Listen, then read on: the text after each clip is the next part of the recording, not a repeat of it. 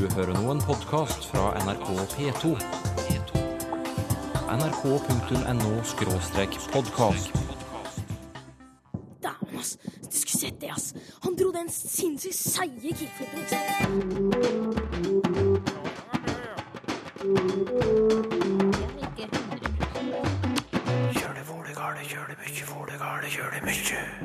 Kulturen påvirker gestene våre. Fransmän de använder ofta musklerna i ansiktet mycket mer. De blåser ut kinderna och säger boff till exempel. Hva betyr Trondheim? Det betyr eh, plassen der trønderne bor.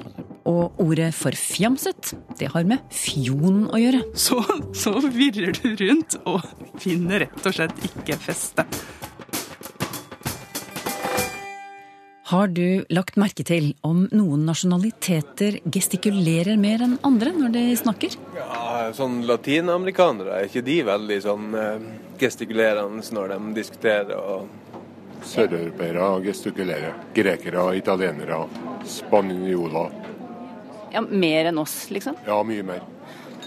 Det ser jo litt mer voldsomt ut. Vi, driver jo bare, vi sitter jo bare i ro som regel. Oldefar min gestikulerte veldig masse, så, men det er mulig det var noe portugisisk i slekta. Men hvorfor? hvorfor? Hvis det er slik, hvorfor gestikulerer de mer enn oss? De eh, prøver å understreke mer hva de snakker om, tror jeg. Ja, At vi i Nord-Europa gestikulerer mindre enn f.eks. folk i Sør-Europa. Stemmer det, språkforsker Marianne Gullberg? Det er en veldig djupt rotad forestilling, i alle fall. Men i virkeligheten så vet vi nesten ingenting om det her. Det fins praktisk taget ingen systematisk forskning alls som tittar på det här. Och ofta så är det observationer där man jämför situationer som, som är väldigt annorlunda. Till exempel att man har sett någon som gestikulerar mycket på en marknad till exempel. Och så jämför man det med två personer som sitter nära varandra och för ett lågmält samtal. Men det är ju viktigt att jämföra lika med lika. Ehm, Jag har till exempel tittat på fransmän och svenskar och det visar sig att när de talar om precis samma sak under samma omstendigheter så är det ingen skillnad på hur mycket de gestikulerar. Nei, vi kommer litt tilbake til det, men, men før det, hva er egentlig en gest? Ja, gestforskningen brukar, eh, vi lutar oss mot två eh, saker. Det första är att en gest är en del av det man försöker uttrycka. Om man till exempel kliar sig så rör man ju på händerna men det är ju inte en gest, det är inte det man vill uttrycka. Utan en gest är snarare det man gör när händerna rör sig automatiskt samtidigt som man talar. Och det andra vi brukar säga det är att eh, en gest inte heller kan vara en praktisk handling. Så om jag till exempel lyfter en riktig kaffekopp och dricker ur den så är inte det en gest. Men om jag rör handen mot munnen och, och säger jag tog en kopp kaffe innan jag kom hit så er det en gest. Og som du sa, så har du altså sammenlignet eh, gestene hos svensker og franskmenn. Hvordan gjorde du det egentlig? Ja, jeg samlet samlade ihop dem på en og samme plats, det vill säga jag spelade in fransmän i Frankrike og svenskar i Sverige. Og sen så gav vi dem samme uppgift. De fikk eh, beskrive eh, någonting, samma sak i alle fallen, till, eh, och talade med en, en annen taler av samme språk. Och det gjorde ju att de satt på samma avstånd och de kände inte varandra och de pratade om samma innehåll. Eh, och då kan man ju systematiskt jämföra vad talare av franska och svenska gör. Og så fant du altså at svensker og franskmenn gestikulerer like mye når de snakker om det samme. Og det kunne sikkert like gjerne vært nordmenn og franskmenn òg, for vi svensker og nordmenn er jo ganske like. Men hvorfor tror vi da at f.eks. søreuropeere gestikulerer mer enn oss, når det ikke er tilfellet? Jeg tror at vi blander ihop hvor mye man gestikulerer med hvor man gestikulerar. För det är naturligtvis så att fransmän och svenskar gestikulerar på olika sätt även om de gestikulerar lika mycket. Um, till exempel så kan eh, ju fransmän, de använder ofta musklerna i ansiktet mycket mer än vad svenskar och norrmän gör. De blåser ut kinderna och säger boff till exempel. Hva, hva er det de uttrykker da? Ja, då uttrycker de en slags skepsis eller at de ikke er särskilt intresserade eller lite resignerade sådär. Har du andre eksempler på ting franskmenn gjør når de gestikulerer, som vi ikke gjør? kanskje? Ja, de, de använder axlarna och skuldrene mye mer enn hva, enn hva svenskar och norrmän också tror jag gör till exempel. Um, og, og derfor så tror jeg at når vi innbiller oss at sydeuropeere gestikulerer mer så är det därför att vi uppmärksammar sånt de gör som vi inte gör själva. Alltså det som är annorlunda tenderar vi att uppmärksamma. Og så sier du at både kultur og språk påvirker gestene våre, altså påvirker hvordan de ser ut, disse bevegelsene vi gjør da. Men for, for å ta det med kultur først. Um, I noen land er gestene små, altså man gestikulerer litt sånn smått. Og i andre land er de store. Hvordan kan det forklares med, med landets kultur? Ja, altså om man tenker exempel på et land som Japan så fins det noen slags kulturelt värde i at man skal, man skal gjøre seg liten, man skal være diskret, man skal ikke ta plass. Og det der um, fortplantar ju sig ut i ens gester då också, alltså att man gestikulerar mindre än man kanske till exempel gör eh, i Italien där man kan tänka sig att gesterna tar lite mer plats. Mm. Ja, vet, vet, du at japanere gestikulerer på veldig sånn diskré vis? Ja, eh, jag har tittat, jag har faktiskt studerat ganska mycket eh, japaner och sanningen är den att det beror på.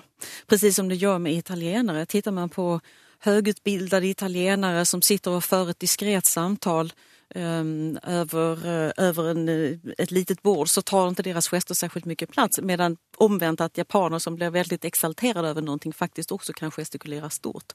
Men generellt sett så tror jag man kan säga att uh, man ser mindre mindre omfattende gester i Japan enn i til eksempel Italien. Hvordan kan det ha seg at, at uh, gestene er større i Italia da? En, og også hvis vi sammenligner med oss som bor her nord. Vi hørte jo i starten her var noen som sa at å, de gestikulerer så, så voldsomt. Hvorfor uh, er det slik?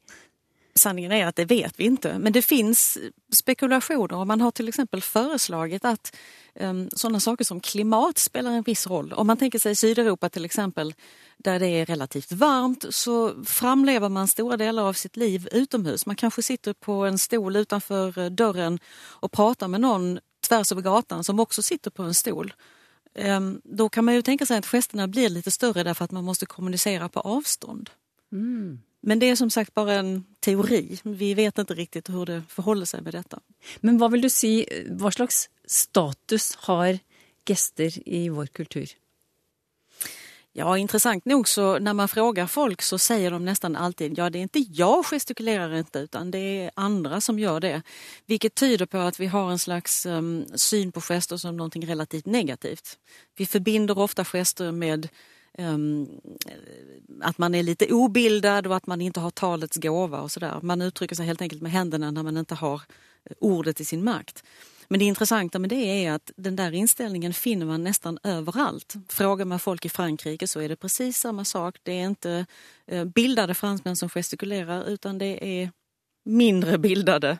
Eller det är inte fransmän som gestikulerar, det är italienare. Och frågar man italienarna så säger de det är inte vi, det är araberna och så vidare. Så det, det finns en slags nedvärdering av gester nästan överallt. Intressant nog. Ja, Allikevel så vil du gjerne slå et slag du, for at vi ikke undertrykker trangen til å gestikulere. Hvorfor det? Ja men absolut, det finns mycket intressant forskning som visar att eh, om man gestikulerar så har det en positiv effekt på mottagaren. De förstår en bättre, de tycker till och med att man är trevligare. Um, så det finns väl all anledning att gestikulera mera. Det er bare å gestikulere i vei, skal vi tro Marianne Gullberg, som er professor i psykolingvistikk ved Lunds universitet i Sverige. Hun kommer tilbake neste gang og forteller om hvordan språket kan påvirke gestene.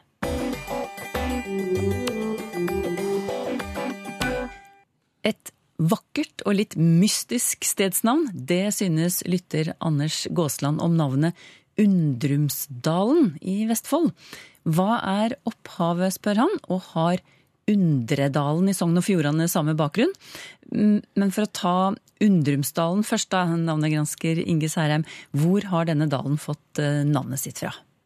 Ja, førsteleddet i, i dette navnet er det gamle gardsnavnet Undrum i- fra nåværende Tønsberg kommune, tidligere Sem.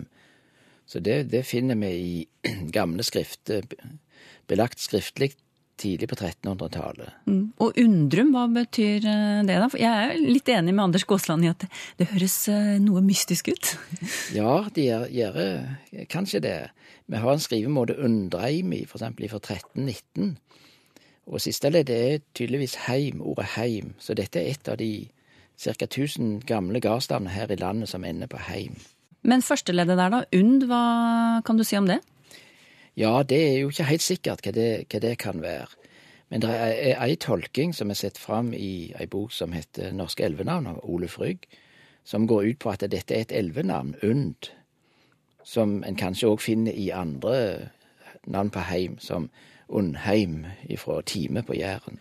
Men, men, men undrum, altså er det noe vann inne i bildet her, sånn i, i nærheten av denne undrum, Undrumsdalen? Ja da, der er ei, ei å som renner der, og den fløymer lett over hvis det, hvis det rigna mye, sånn, sånn som nå sist høst.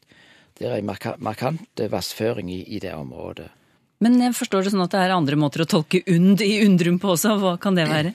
Ja, de har tenkt at det òg kan være ei komparativ form som, som tyder lågere, som sikter til at eh, at denne gården ligger under eller ved foten av Undrumsåsen. Så det passer òg godt ut ifra topografien. Mm. Men hvilken av disse to tolkningene velger du deg, da?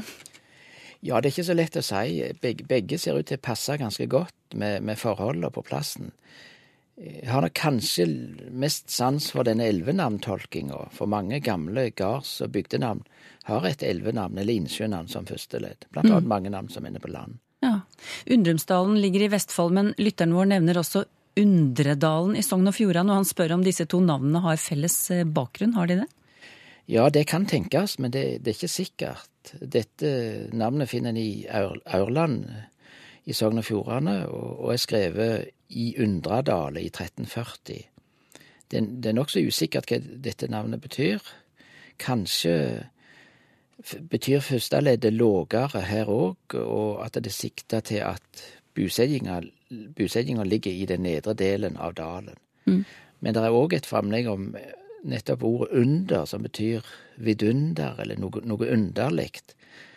Og at det kan være, være førsteleddet. Det kunne kanskje sikte til gode, god jord, eller noe som er positivt. Men ordet er òg brukt om skrømt, eksempel. Men du, denne gården Undrum da, som du nevnte i begynnelsen, og så sa du at sisteleddet um betyr heim, og du nevnte at det er en viktig navneklasse. Hva mener du med det? Ja, det er en av de, en av de viktige navneklassene som en finner i, i Skandinavia, men òg utenfor Skandinavia. Det er ca. 1000 gardsnavn på heim i Norge. og I Sverige er det ca. 200 som ender på hem, og i Danmark ca. 150 som ender på um. Og det er veldig gamle navn. En regner med de er lagd fra ja, kanskje 200-300 etter Kristus fram til 600 etter Kristus. Og, i, og i dialektene så, så kan de ha ulike endinger. For eksempel på Østlandet m, om, om, øm. Gjerne ofte skrevet um. Og på Vestlandet for eksempel eim eller ei eller em. Og all, alle disse her står for heim. Alt det reflekterer heim, det er utvikling av ordet heim. Og En finner det jo òg i engelsk, eksempel, på meninga ham. Birmingham, eksempel. Tottenham. Så det er òg dette gamle ordet heim. Men, men stedsnavn da som ender på heim, eller det, disse variantene du nevnte, kommer de alltid Er det alltid gårder? Nei, vi finner òg ordet heim brukt eh, i området, gamle områdenavn. For eksempel i Trondheim, i bynavnet Trondheim. Det er et gammelt områdenavn eh, som egentlig tyder trønderne sitt buområde, eller trønderne sitt område. Og Et annet eksempel på et sånt områdenavn er Jessheim. Og så da betyr, da betyr ikke um, Da betyr ikke heim akkurat, da? Det betyr ikke gard, men det betyr eh, heim i, i, i tyding og område. Plassen der trønderne bor, eksempel. Ja. Men så sier du at det finnes uekte heimnavn også. Hva er det for slags navn? Ja, uekte er gjerne ikke den beste termen, da, men, men der er, der er nyere, der er yngre navn som inneholder ordet heim.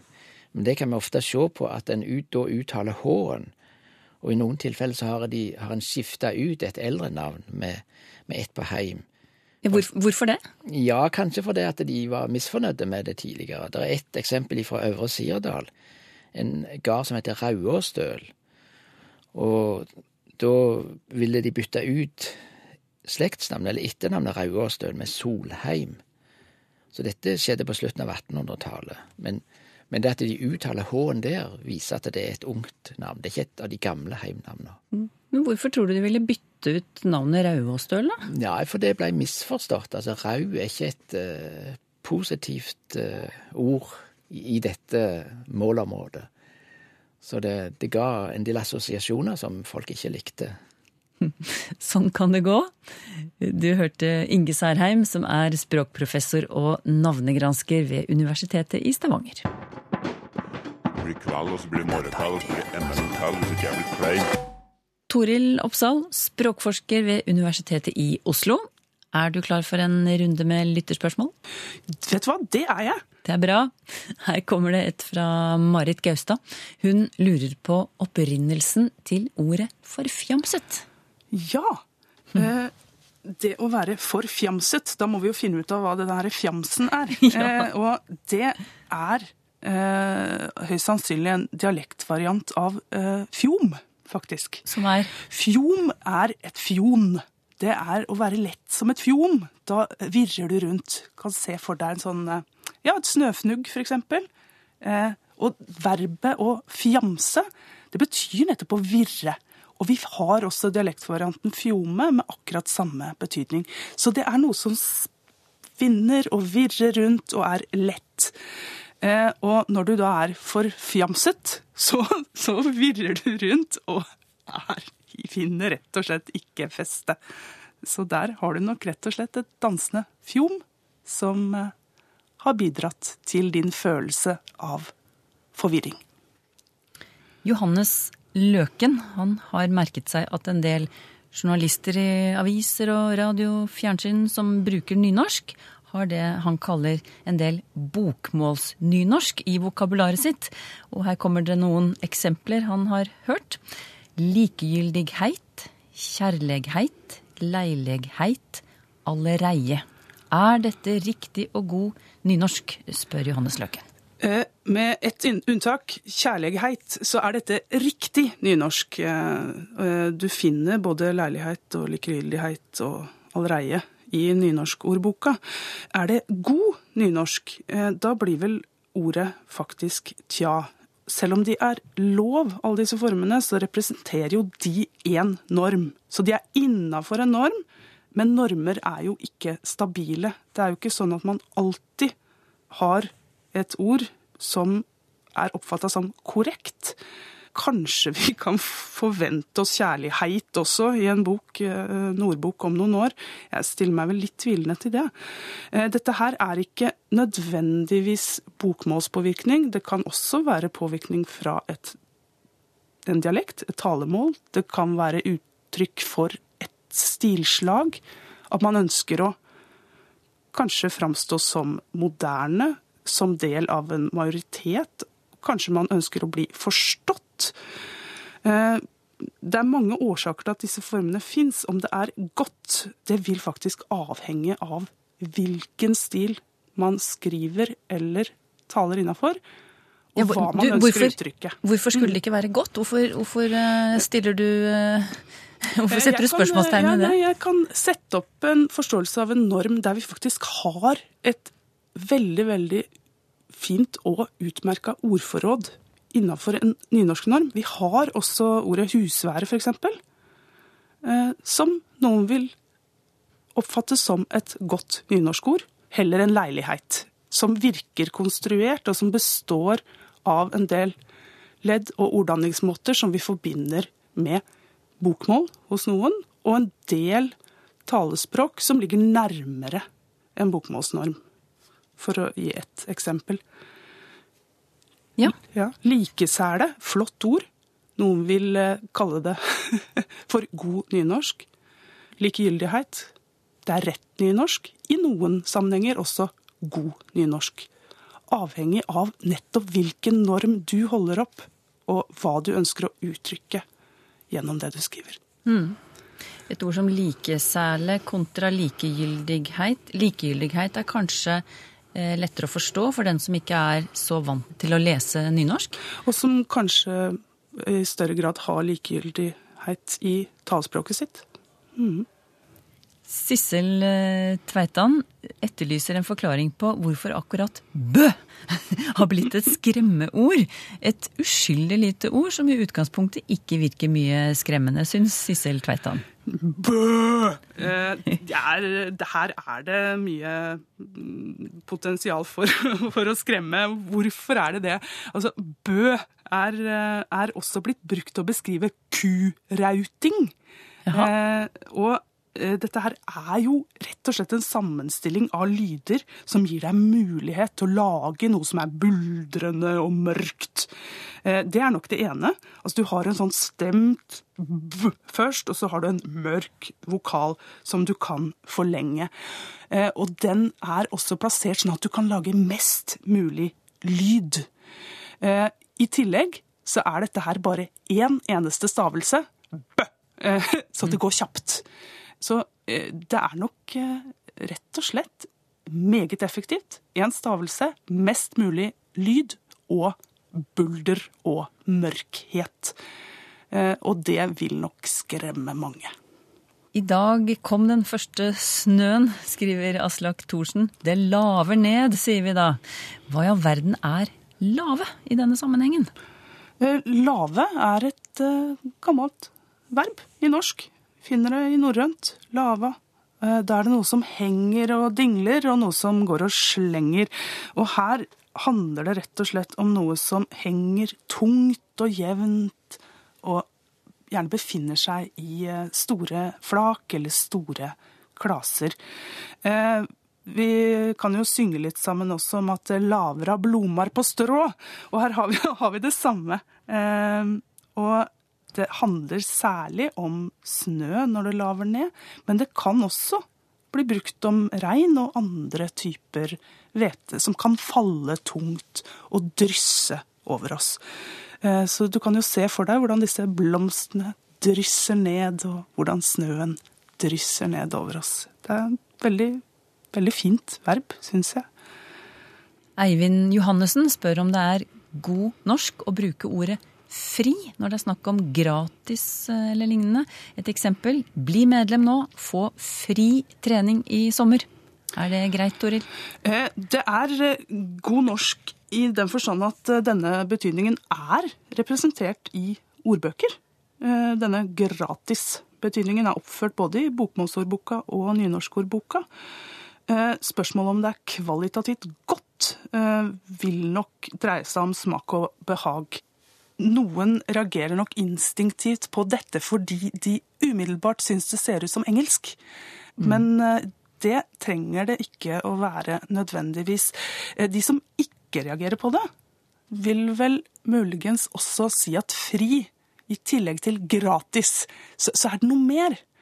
Eh, det å skrive gratis trening resten av året, var det ikke det? Det var fri. Ja. I sommer. Fri I trening sommer, i sommer. Fri trening i sommer.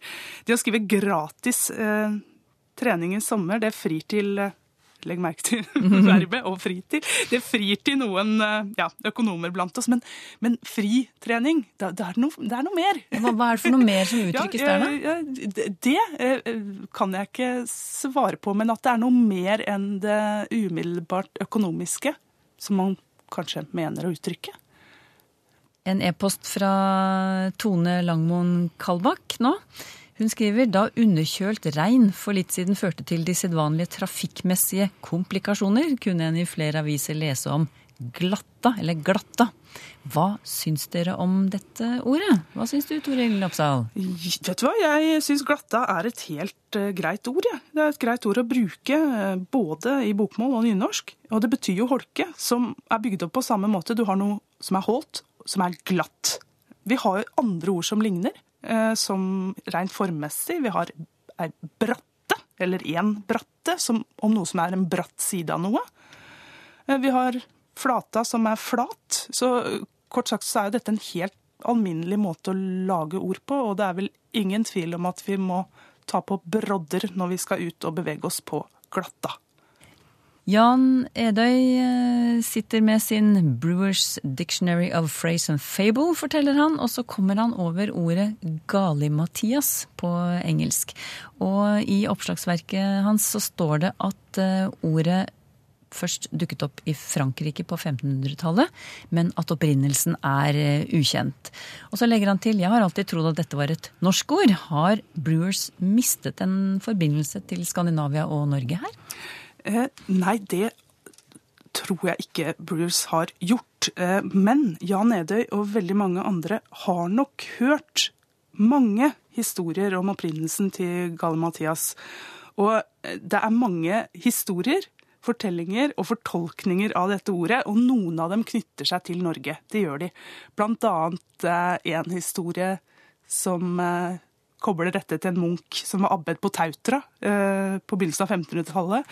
Vi har også en historie om at dette handler om en dommer som har forsnakka seg. Eh, da er vi tilbake i Roma. Eh, men dette her er en kombinasjon av gallus, hane, fra latin, og det greske mateia, lærdom. Så det er rett og slett en konstruksjon som betyr gjennom disse eh, meningsløse eh, disputasene som vi kan forestille oss eh, i Frankrike på 500-tallet. Meningsløst snakk og sludder. Men det er dette med at du nettopp har Mathia, og at det er veldig, veldig kjapt å tenke seg at dette må være navnet Mathias, så gjør det at man begynner å tenke og finne gode forklaringer til at ordet eksisterer. Men at det skulle ha en konkret tilknytning til det norske, det tror jeg nok jeg vil stille meg tvilende til, altså. Ordet som Jan Edøy spør om her, det er jo Gali-Mathias. Men jeg har hørt eh, folk si Gale-Mathias. Har du også det? Jeg har også hørt det. Ja, Men da, da får jeg litt andre assosiasjoner. Mm. Ja, du kommer, kommer enda, enda, lenger bort fra den Gallus eh, og Matheia. Men eh, det er nok kanskje med på å forsterke og frambringe denne etymologien om at dette handler om en Mathias som er gal. Eh, og det knytter oss jo tilbake til denne eh, historien fra, fra Tautra, vil jeg tro. Har du spørsmål til Språkteigen? Skriv til Teigen, krøllalfa nrk.no, eller til Språkteigen, NRK P2, 7005, Trondheim. Så finner du oss også på Twitter og på Facebook. En anekdote om kong Olav dukker opp i lytterspalten neste gang. Og da er det middag, da, og det er høytidelig, og da er det en som Det er vel servert noe steik, og så er det da en som sier 'fly med feta du, Olav', sier han. Altså fettet. Dialektord i Språkteigen om en uke.